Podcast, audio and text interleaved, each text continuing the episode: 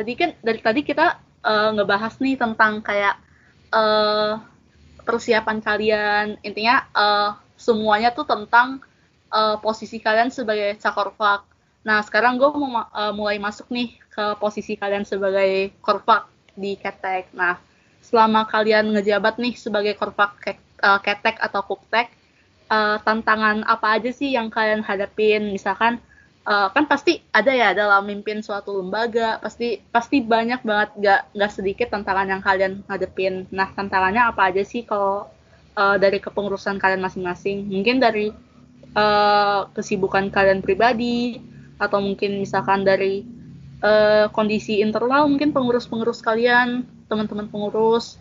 Mungkin dari Ardel dulu di kinap apa aja tantangannya? Oke okay, jadi uh, supaya nggak terlalu luas ini jadi gue batasin aja di internal ya. Oke. Okay. Uh, jadi kalau dari gue sendiri, menurut gue tantangan terbesar uh, itu uh, gimana kita menghadapi kepengurusan kita gitu, orang-orangnya gitu, gimana supaya kita bisa ngekip orang itu termasuk misalnya kabit maupun staff untuk selalu inget sama tugas-tugasnya masing-masing, nggak lupa akan tanggung jawab mereka, terus kayak supaya terus selain itu juga dilakuin gitu tugasnya. Kalau menurut gue itu sih tantangan terbesar gue gitu. Oke, tapi emang sih kayak uh, suatu kepengurusan atau lembaga tuh bakal bisa berjalan kalau emang dari internalnya gitu kan Del kayak gue uh, for information gue sama Anas dulu tuh jadi uh, salah satu pengurus-pengurusnya Ardal juga jadi kayak hmm. kita juga ngerasain gimana kepengurusan kinap waktu itu kayak emang uh, sepenting itu sih gue juga ngerasain pentingnya uh, rabep rabep tuh rapat BPH terus kayak pentingnya yeah. konsol itu emang uh, istilahnya tuh uh, salah satu jaminan pengurus kalian tuh tetap bakal ada di sisi kalian gitu loh selama satu tahun at least kayak gitu. Iya. Yeah. Uh, jadi tuh kayak kita sebenarnya lebih belajar gimana berkomunikasi gitu. Kayak gimana kita bisa kerjasama gimana menghadapi orang yang berbeda-beda gitu dalam situasi yang berbeda-beda. Soalnya kan yang namanya organisasi kan isinya uh, teman-teman kita itu semua orang ya manusia ya bukan robot ya. Jadi tuh kita harus pinter-pinter gimana ngomong ke mereka gimana kita uh, ngebaikin atau nanya kalau ada lagi masalah gimana kita nge-care kayak gitu sih sebenarnya. Lebih ke gimana kita berkomunikasi menurut gue sih sama mereka gitu. Oke, berarti dari Ardel tantangan utama tuh di komunikasi internal. Nah, hmm. kalau dari Anas nih, di kepengurusan mantul sekarang, apa sih tantangan Anas sebagai korplak mantul? Boleh Anas silakan. Hmm. Ya, tantangan ya. Banyak sih sebenarnya kayak uh, mungkin kayak dulu karena gue tuh baru nih kalau mungkin temen-temen tahu nih mungkin yang 2020 kayak kemarin sempat dengerin video Mabim ya kan? Dibilang kalau Kuktek tuh pindah nama eh ganti nama jadi KMK Teknik di tahun ini. Nah itu itu terjadinya di tahun gue berarti kan? Dan itu tuh emang ya adalah sejarahnya sendiri. Intinya kayak kita disuruh sama Romo harus ganti nama. Dan kalau misalnya kita nggak ganti Romo nggak bakal nyetujuin kayak kegiatan-kegiatan kita gitu kan? Makanya kayak mau nggak mau harus ganti nama. Dan sebenar dan jujur emang kalau ganti pergantian nama itu gak semudah itu loh. Kayak itu tuh kayak gue bener-bener eh pokoknya kepengurusan gue di awal uh, di awal-awal tuh jadi kayak dua kali gitu bebannya. Jadi kayak kita harus forming lembaga sekaligus kayak kita tuh harus ngurusin uh, pergantian nama ini. Kayak kalau misalnya ini tuh imbasnya ke mana-mana loh kalau misalnya ganti nama itu kan. Uh, jadi ke ganti ke logo juga. Terus uh, apalagi ya? Ya pokoknya waktu itu kayak banyak jadi kayak harus ganti nama eh harus ganti logo juga. Terus kayak uh, eh, ADART-nya juga kayak berarti punya uh, eh, ADART ketek berarti kayak punya uh, apa ya urgensi lebih lagi untuk di amandemen dan lain-lain gitu sih.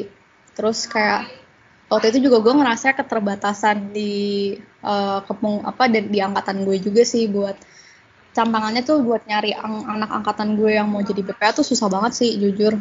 Kayak dari uh, walaupun emang ada aja angkatan gue yang dari kepengurusannya Ardel kan yang jadi BPH tapi tetap aja susah gitu buat nyari apa ya penerusnya gitu. Kayak waktu itu ini gue cerita aja ya maksudnya ini buka-bukaan aja. Saya kayak boleh boleh. Boleh gue buat nyari BPH humas aja tuh setengah mati gitu loh. Kayak BPH humas yang sekarang si Lia itu bahkan sampai dilempar-lempar gitu ke humas dan litbang. Karena waktu itu litbang tuh gue masih belum ketemu calonnya gitu. Kayak ya gitu. Jadi kayak Lia tuh jadi apa namanya uh, uh, lompat-lompat gitulah. Karena emang susah itu gitu buat nyari penerus yang dari angkatan gue itu salah satunya. Dan bahkan kalau uh, kalaupun gue ketemu kayak itu lintas bidang dan itu emang kayak uh, iya banyak sih yang lintas bidang. Terus kayak harus belajar harus dibimbing banget gitu kan. Karena emang mungkin kayak nggak pernah jadi BPH kayak nggak pernah ada di sisi yang harus merencanakan sesuatu. Jadi benar-benar harus dibimbing banget tuh ada yang kayak gitu. Jadi itu sih tantangannya. Intinya kalau dari internal gue kayak gitu kayak bagaimana hmm, apa ya uh, lu mendidik BPH lu buat jadi BPH gitu sih kurang lebih. Kayak buat mengerjakan tanggung jawab mereka juga dan lain-lain gitu.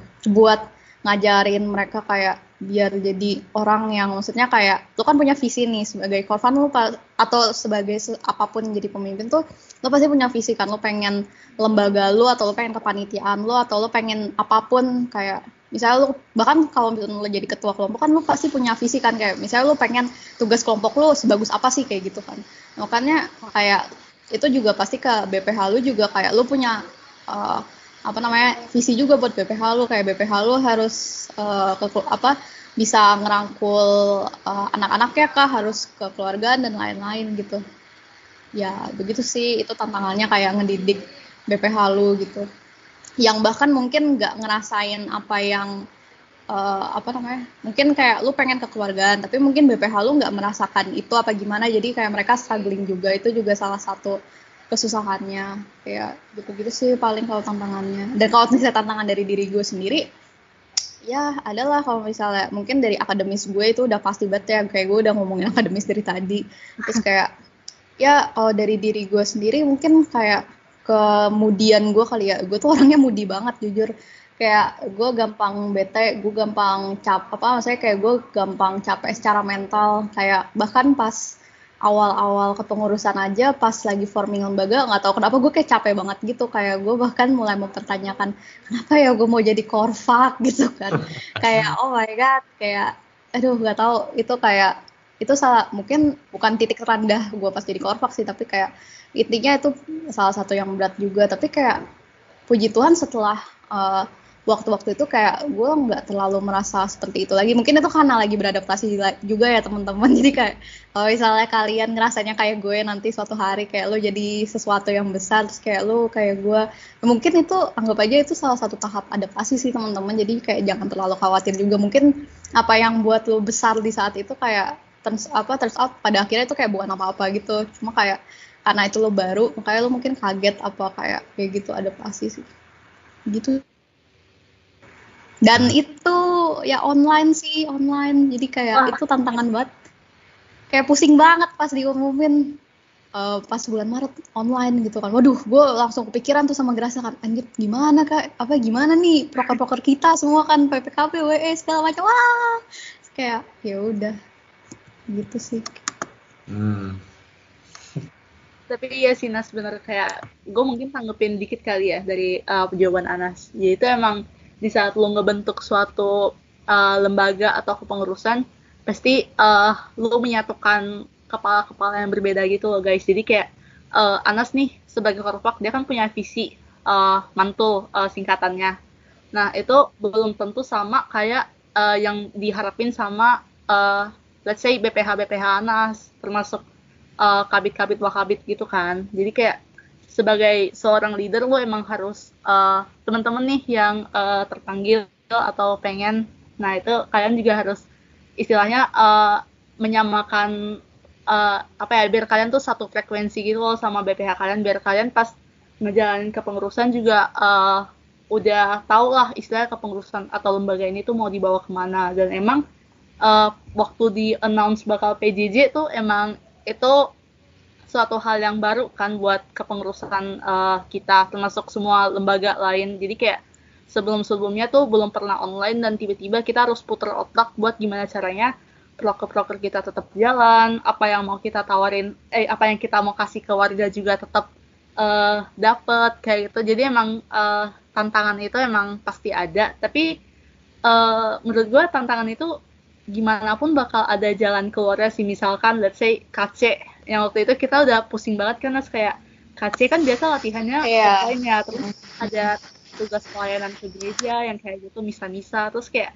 tiba-tiba online terus tugas pelayanannya mau gimana eh tiba-tiba dari KMKUI nawarin kita buat uh, ngehandle uh, choir satu UI buat misdos ya waktu itu jadi kayak hal-hal uh, yang uh, disebut sebagai tantangan tuh uh, coba kalian jalanin aja dan uh, semoga pada akhirnya tuh ada aja jalan keluar yang kayak gitu. Jadi kayak nikmatin yeah. aja guys. Itu bakal kalian kangenin kok kalau misalkan udah lewat. Ya nggak Del misalnya? Lu iya, bakal yeah, kangen sama iya. Iya oke. Okay. nah uh, tadi kan kita udah nanya-nanya nih soal uh, tantangan kalian sebagai korpak nah uh, mungkin buat Ardel yang udah kelar ngejalanin kepengurusan kinap dan buat Anas yang uh, udah tiga per empat kepengurusan kan ya Anas ya? Bentar lagi kelar oke. Okay. gimana tuh nah uh, yeah. apa aja sih yang udah kalian dapet gitu sebagai korpak uh, kalau buat Anas berarti selama tiga per empat kepengurusan. Kalau buat Ardel selama kepengurusannya sesuai nggak sih sama uh, ekspektasi yang kalian uh, harapin dulu pas mau maju jadi korpak boleh dari Anas dulu Halo, kedengeran nggak ya? Iya. Oh, ya. Kedengeran okay. kok. Uh, apa tadi? Maaf pertanyaannya. Tadi tiba-tiba laptop gue agak ngehang. Oke, okay. uh, eh, jadi kan uh, kalian tadi udah punya ekspektasi masing-masing nih buat kepengurusan yang bakal kalian pegang.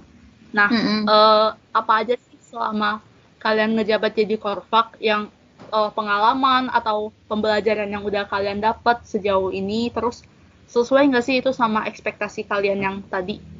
Sebelum terpilih jadi korpak. Mm-hmm. Oke. Okay. Apa intinya apa yang gue dapet gitu ya? Banyak ah. banget sih. Kayak gue belajar banget kayak gimana di posisi uh, desi apa uh, di mana di posisi kayak kepala dari segala kepala gitu kan kayak pokoknya segala apa kayak hal-hal tuh harus butuh persetujuan lo dulu buat ngadain sesuatu dan apa namanya uh, lu di bagian yang apa punya visi besar akan sesuatu gitu. Kayak ya itu sih intinya. Kayak gue belajar uh, cara bikin visi misi. Gimana caranya lu membu apa kayak lu bermimpi uh, pengen punya lembaga yang kayak gimana gitu. Terus uh, apa namanya? Yang kedua juga kayak gue belajar juga gimana caranya ngayomin orang-orang gitu. Kayak uh, karena kan gue uh, karena gue salah satu nilai gue kalau misalnya kalian perhatiin kan mantul iman kekeluargaan pelayanan gitu ya. Kayak gue pengen membawakan kekeluargaan karena dulu uh, mungkin teman-teman yang kakak-kakak gue yang 2017, 2016, 2000 ya gitu-gitu yang waktu itu ikut eksplorasi gue dan lainnya mungkin tahu ya kayak mungkin selama gue di Kuptek walaupun gue nyaman mungkin kayak gue nggak gitu sama gue kayak nggak gitu ngerasain kekeluargaan kayak gue nggak tahu gitu sebenarnya definisi kekeluargaannya seperti apa sih gitu kan. Tapi kayak Iya, terus uh, apa namanya? Jadi pas selama gue jadi korfak ini gue berusaha untuk apa ya? ingin mengayomi orang uh, banyak or, apa banyak orang gitu sih walaupun emang gue tahu gue nggak uh, apa gue emang nggak apa namanya nggak berhasil mengayomi kayak semua orang tapi kayak ya gue mulai dari lingkup terkecil sih kayak dari BPH BPH gue mungkin kayak uh, apa namanya beberapa apa be, beberapa BP apa namanya bidang-bidang yang gue pegang gitu-gitu kan. Kayak intinya gue ingin orang-orang tuh ngerasa apa ya uh, ngerasa kalau mereka tuh berarti ngerasa kalau uh, ada yang peduli sama mereka loh. Terus kayak ya perasaan-perasaan amat seperti itu sih intinya. Kayak kayak gue kayak berusaha ingin jadi pemimpin yang mengayomi dan itu gue belajar banget sih di sini. Kayak gimana sih lu punya misalnya kayak dari BPH lu gitu kayak uh, eh, BPH lu mungkin kayak uh, nggak gitu apa ya kan kayak kurang apa ya istilahnya uh, menjalani tugas mereka kayak kurang maksimal. Kayak gimana sih lu menanggapi hal itu gitu kayak lu belajar buat ya udah lu ngebimbing BPH lu buat kayak uh, mungkin bangkit dari masalah-masalah mereka. Kalau walaupun mungkin lu nggak gitu membantu ya tapi kayak misalnya lo mendampingi aja sih supaya mereka sidaknya kayak menghadapi masalah itu nggak sendiri. Terus kayak gimana supaya mereka pada akhirnya kayak bisa kembali uh, menjalankan tanggung jawab mereka kayak gitu. Itu gue juga belajar di sini gitu. Dan tentunya belajar buat menempatkan diri di posisi orang lain juga sih karena nggak semua orang seperti kita gitu kan. Maksudnya kadang kita mikir apa kadang kita mengharapkan apa tapi uh, mungkin dari dia nggak nggak seperti itu. Kayak mungkin dia punya perspektif yang berbeda dan lain-lain dan ya gue dan bahkan mungkin dari sikap sendiri mungkin kadang-kadang kayak kita nggak ngerti ya, kenapa sih dia kayak gitu kok kayaknya gimana gitu dan ya udah kayak ya sebagai kompak ini kayak gue belajar buat lebih menempatkan diri di posisi orang lain dan nggak ngejudge mereka kayak kenapa mereka seperti itu gitu sih. Ya itu dan seperti yang gue udah bilang tadi uh, belajar buat menggunakan waktu sebaik mungkin sih kayak apalagi awal uh, semester lima ini di mana kayak semester 5 ternyata lebih dahsyat ya daripada semester 4 yang dulu udah gue khawatir gue khawatirkan gitu kan. Ternyata banyak banget tugasnya gitu kayak ada yang lebih dajal lagi daripada semester 4 gitu kan. Terus kayak ya udah makanya gue belajar banget nih di semester 5 gimana sih buat nyicil tugas gitu. Karena ternyata banyak banget tugas yang gue punya dan ya gitu. Sebenarnya bukan kayak sebenarnya gue ori gue tuh nggak terlalu uh, apa ya uh, terencana lagi-lagi gue bilang gini tapi kayak ya udah gue cuma berorientasi gue punya apa aja sih yang harus gue uh, selesaikan gitu dan kira-kira mana aja yang bisa gue selesaikan dulu gitu kayak. Dan mungkin yang mana yang paling mendesak gitu kayak ya gue belajar untuk uh, punya mindset seperti itu sih dalam mengerjakan tugas-tugas gue gitu.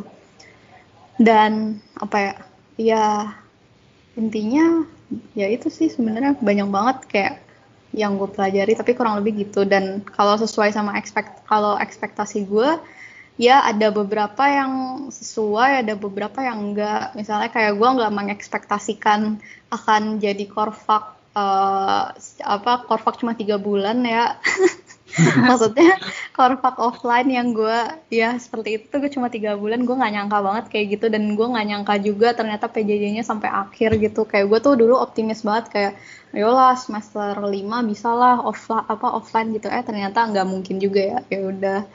Kayak kayak gitu sih. Saya agak kecewa agak sedih juga sih maksudnya kayak ya gue dapetnya cuma jadi banyak di PJ-nya padahal kan gue pengennya juga vibes vibes offline-nya gitu loh vibes vibes ngumpulnya terus kayak ya gitu. Sisanya kayak ekspektasi gue bakal belajar sebanyak ini. Mungkin dulu gue nggak kepikiran sih tapi ya begitu. Ya nggak gue nggak okay, kepikiran sih sebenarnya. Gitu.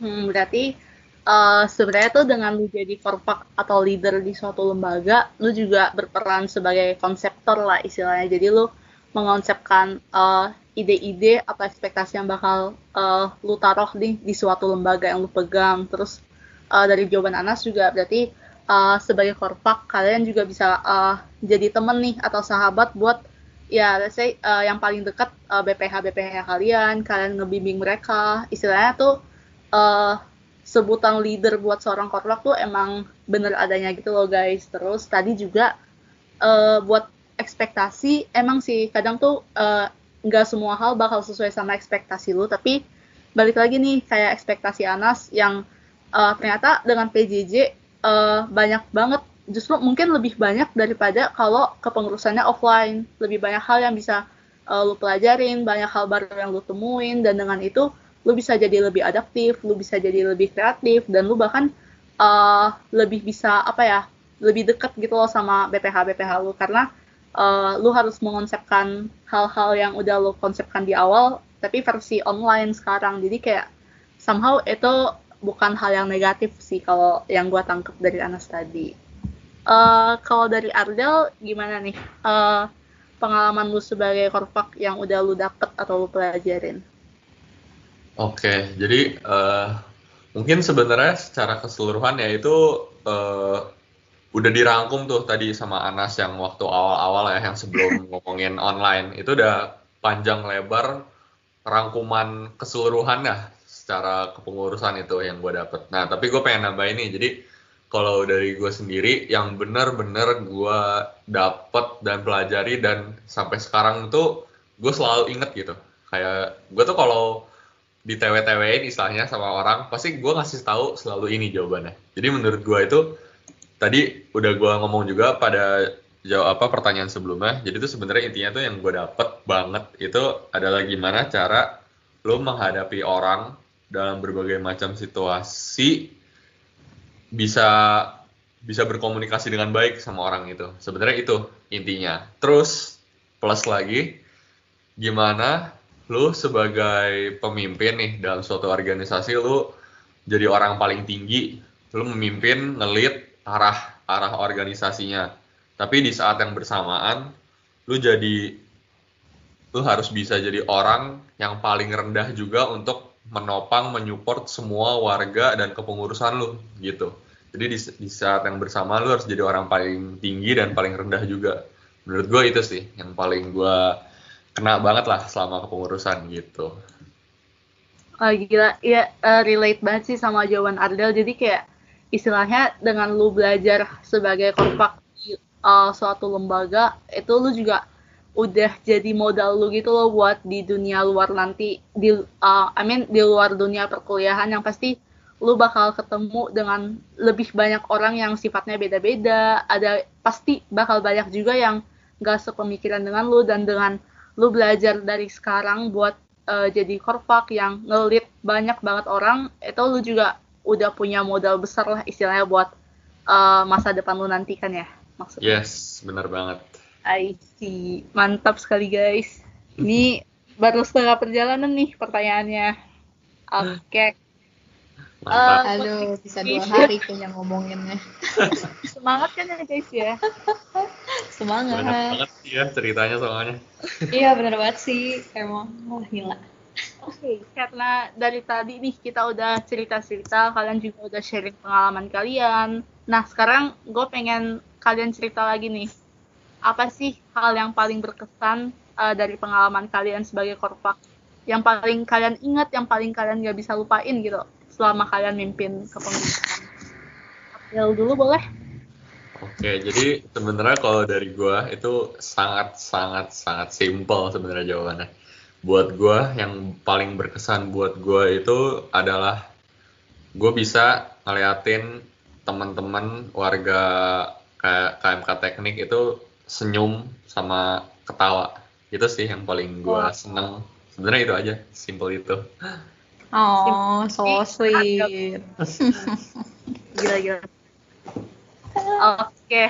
uh, eh, kalau dari Anas mungkin apakah jawabannya ya? juga simple? Uh, gue sebenarnya paling bingung nih kalau misalnya ditanyain paling tuh kayak kayak susah gitu buat menentukan mana yang paling gitu. Tapi kayak apa ya mungkin yang gue bangga apa saya kayak yang gue banggakan mungkin yang kayak berkesan juga kayak ngelihat anak 19 sih sebenarnya. Kayak ya gue tahu sih emang anak-anak 19 tuh anaknya apik-apik ya. Maksudnya kayak kin, kayak mereka dedikatif sama kerjaan mereka kayak kinerja mereka bagus terus kayak mereka friendly friendly banget anaknya. Ter, mungkin emang sebagai kita sebagai uh, dulu kakak-kakaknya juga ngeliatnya emang mereka terbuka juga ya sama kita. Maksudnya kayak nggak susah buat kita deketin mereka juga gitu kan. Dan kayak gue seneng banget jujur kayak ngelihat mereka bisa ngerangkul anak 20 gitu sih kayak uh, karena gue pengen gue ya gue pengen ketek tuh jadi uh, keluarga gitu kan buat orang-orang di dalamnya gitu. Dan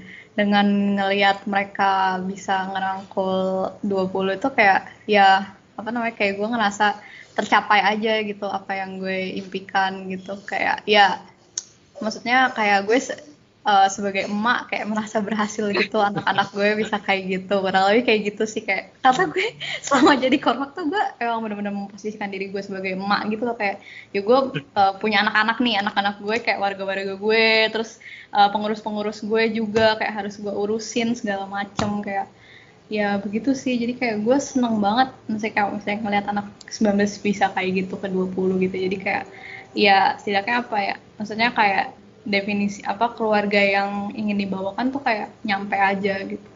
Kayak terharu gitu. Ha, anak adik-adik gue udah bisa membimbing kayak gitu sih kurang lebih. Oke jadi kalau boleh gue simpulin jawaban kalian tuh intinya uh, hal yang paling kal bikin kalian seneng, yang paling bikin kalian berkesan itu di saat warga-warga uh, kalian atau uh, apa ya istilah pengurus-pengurus yang kalian uh, pegang nih selama satu kepengurusan tuh bisa uh, apa ya istilahnya bisa happy, bisa sesuai dengan yang kalian impikan dan mereka tuh udah bisa uh, bergerak sesuai apa ya sesuai ajaran kalian lah istilahnya atau sesuai uh, cara kalian ngelit mereka gitu kan ya. Iya banget. Oke. Okay. iya nah ngomong-ngomong soal hal yang paling berkesan nih uh, mungkin pertanyaan ini uh, sedikit mirip dengan hal-hal sebelumnya. Cuma sekarang gue pengen nanya sih mungkin dari Anas dulu apa sih yang Anas banggain dari kepengurusan Mantul? Kalau Ardel berarti dari kepengurusan Kinap. Mungkin uh, selama ngejabat ini ada nggak sih yang kalian banggain dari kepengurusan kalian gitu? Anas boleh? Uh, dulu pernah ada, belum lama bahkan ada yang pernah nanya ini juga ke gue. Terus kayak jawaban gue sederhana kepengurusan ini ada dan bisa berjalan aja tuh gue udah bangga sih karena kayak ya gue nggak nyangka aja gitu seorang gue bisa memimpin sesuatu seperti ini. Kayak itu yang gue banggain sih sebenarnya. Dan mungkin secara spesifik kayak hal yang istimewa dari kepengurusan gue ya itu sih kayak wah kepengurusan gue eh maksudnya di kepengurusan gue tuh kau apa kayak uh, kuktek dan tek. Dan apa namanya kayak ya responnya baik juga gitu pada akhirnya. Kayak kita bisa beradaptasi dan ini sih kemampuan beradaptasi ketek di kepengurusan gue terhadap uh, kondisi PJJ ini. Kayak kita masih bisa ngadain kegiatan-kegiatan juga yang ya walaupun mungkin nggak semuanya baik juga ya tapi kayak ya kita bisa cope up well terhadap situasi gitu. Dan gue kayak bangga gitu sih sebenarnya itu. Dan yang ketiga yang tadi gue udah sebutin juga kayak apa yang paling berkesan ya itu sih. Kayak ngelihat adik-adik gue bisa ngebimbing adik-adiknya lagi gitu kayak iya gue merasa berhasil aja gitu kayak gitu sih berarti dengan uh, kepengurusan yang lu pegang tetap uh, istilah interact sama perencanaan lu dengan visi misi lu dan dengan uh, warga-warga atau orang-orang di dalamnya tetap uh, berjalan sesuai harapan itu merupakan sesuatu kebanggaan kan ya Hmm, bentar. Uh, ya, kalau yeah. dari Adel, gimana nih kepengurusan kinap apa aja sih yang uh, lu banggain gitu? Oke jadi uh, sebenarnya tuh hmm, mirip tapi gue pakai kata-kata yang beda deh. Jadi kalau gue itu lebih bangga ke orang-orangnya. Jadi tuh gue bangga banget sama orang-orang di kepengurusan gue kayak gimana caranya kayak kita dari awal nih kayak cuman kumpulan orang-orang terus kayak kita bisa berhasil kayak menjalani segala macam tanggung jawab visi misi proyek proker selama setahun itu. Jadi kayak gue bener-bener kayak seneng banget gimana ngeliatin pertumbuhan sih. Pertumbuhan dari yang kita awalnya tuh bukan siapa-siapa gitu lah. Kayak kita cuman kayak kumpulan orang di sekre ini mau punya rencana ini mau ini mau ini mau ini. Terus berakhir gimana kita bisa ngejalanin semua rencana kita dari awal sampai akhir walau dengan suka dukanya banyak masalah yang terjadi gagal bangkit lagi itu sih menurut gue. Berarti uh, dengan kalian ngejalanin satu tahun kepengurusan kalian tuh berkembang gitu. Uh, uh, tumbuh dan berkembang bareng-bareng lah mm-hmm. istilahnya. Yes. Oke. Okay. Ya, tapi emang sih guys teman-teman uh, yang lagi dengerin emang sih dalam satu kepengurusan tuh uh, pasti kalian bakal tumbuh, bakal berkembang bareng-bareng, kalian bakal ngejalanin uh, semua manis pahitnya kepengurusan tuh bareng-bareng. Jadi kayak uh, menurut gue uh, ngejalanin suatu kepengurusan tuh bukan hal yang uh, rugi, itu justru kayak menguntungkan dari sisi kalian pribadi, kalian juga punya relasi baru, kalian juga bisa uh, ngerasain gimana sih uh, perkembangan suatu lembaga, kalian bisa lebih terlibat di dalamnya, apalagi kalau lembaga kalian tuh uh, punya banyak hal yang bisa kalian banggain. Itu pasti kayak suatu ada rasa uh, puas sendirilah dalam diri kalian. Apalagi sebagai korban kan ya. Wah lembaga yang kalian pegang selama satu tahun tuh ternyata berhasil loh sesuai visi misi kalian. Itu pasti hal yang sangat membanggakan sih emang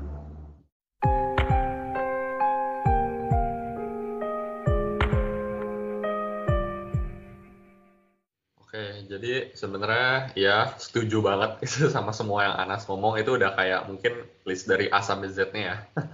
jadi gue pengen nambahin uh, yang paling penting